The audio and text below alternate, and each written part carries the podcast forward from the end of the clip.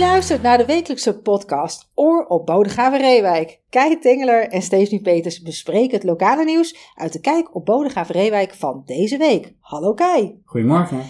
En we hebben weer een mooie kans. Zeker. Zeker weten. Zullen we beginnen met uh, wat opmerkelijk nieuws? Wat staat er op de voorpagina? Daar staat het bericht van Van Oudenrijn Timmer Select en zij zijn hofleverancier geworden. De derde hofleverancier in Bodegraven. Gefeliciteerd. Ja, een heel mooi resultaat. En weet je waarom je hofleverancier kunt worden? Nou? Nou ja, omdat je 100 jaar bestaat, maar ook omdat je behoort tot midden- en kleinbedrijf en dat je in de regio van de vestiging een vooraanstaande plek inneemt. Ah. En ook heel belangrijk is dat de bedrijfsvoering onberispelijk dient te zijn. Nou, daar doen ze dus allemaal aan. Netjes. Ik zou zeggen, gefeliciteerd. Ja. Zullen we van dit nieuws eens naar de politieke nieuws gaan? Dat is goed, dat is goed. Eerst een stukje over gas. Ja. Uh, we hebben een gasveld in de gemeente. Bij Waarder ligt het Papekopse veld. En exploitant Vermilion zou uh, daar wel weer eens uh, gas willen boren. Daar is in het verleden al wel eens een poging toe gedaan. Toen hebben na protest van bewoners de gemeentes Woerden en Bodegraven-Reewijk gezegd: nee, dat gaan we niet doen.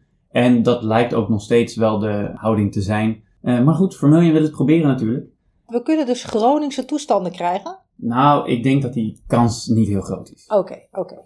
Maar het volgende gasonderwerp. Uh, ja, we hebben een meer gasonderwerp. De gemeente uh, had een energiecontract bij het Russische Gazprom. Daar moesten ze vanaf, dus per 1 oktober zitten ze bij Vattenfall. Dat levert wel wat extra kosten op, dus dat gaat ongeveer 80.000 euro per jaar meer kosten. En wie gaat dat betalen? Nou ja, dan komen we vanzelf bij de begroting terecht, want die is ook deze week gepresenteerd. Het college van burgemeester en wethouders hebben een begroting gemaakt voor 2023 met een doorloop naar 2026. Daar wordt flink bezuinigd. Ze proberen de, de schuldenberg kleiner te maken, want de gemeente heeft daarom nu een best wel financieel penibele situatie. Ze proberen wat reserves op te bouwen. Maar ja, dat geld moet ergens vandaan komen, dus de lasten gaan omhoog. Uh, inwoners moeten meer gaan betalen en uh, ondernemers ook. Oké, okay. nou ja, de krant besteden daar aandacht aan. We hebben ook een uh, aantal grafieken opgenomen in de krant en op de website die bij dat verhaal horen. En 20 oktober wordt het geloof ik in de gemeenteraad besproken. Dat klopt. Oké. Heb je nog meer politiek nieuws? Uh, nou, er is een rechtszaak geweest tegen Twitter. De gemeente heeft een zaak aangespannen tegen Twitter vanwege berichten over complottheorieën die te maken hadden met de begraafplaats Bodegraven en satanistische pedoseksuele netwerken. Die berichten wilde de gemeente dat die werden verwijderd van Twitter en dat ze ook voortaan dat moesten gaan monitoren. Maar de rechter heeft gezegd dat is niet te doen. Ze kunnen niet alle berichten gaan checken of het iets te maken heeft met het complot. Dus de gemeente is er wel wat teleurgesteld over, maar beraadt zich nog over of ze verdere stappen ondernemen. Oké, okay. nou, afwachten dus. Ten slotte hebben we nog een, een, nieuw bedrijventerrein dat er gaat komen. Er zijn een aantal plekken gekozen vanuit de gemeente die uh, mogelijk locaties zijn voor dat bedrijventerrein. En de meeste kans maakt het verlengde van de Rijnhoek. Dus uh, langs de N11 komt er dan een, uh, een uitbreiding van het bedrijventerrein. Oké, okay. En dat is dan uh, in de wei of is dat... Uh, in de wei, ja. In de ja, wei, moet groen ja. voor verdwijnen, maar ja. dat, dat, schijnt een redelijk goede locatie te zijn, omdat er niet heel sterke uh, natuurbestemmingen zijn en de wegennetten eraan komen. Aha, dus de grazende koeien worden over een aantal jaren bedrijfsterreinen, bij wijze van spreken dan. Oké. Okay.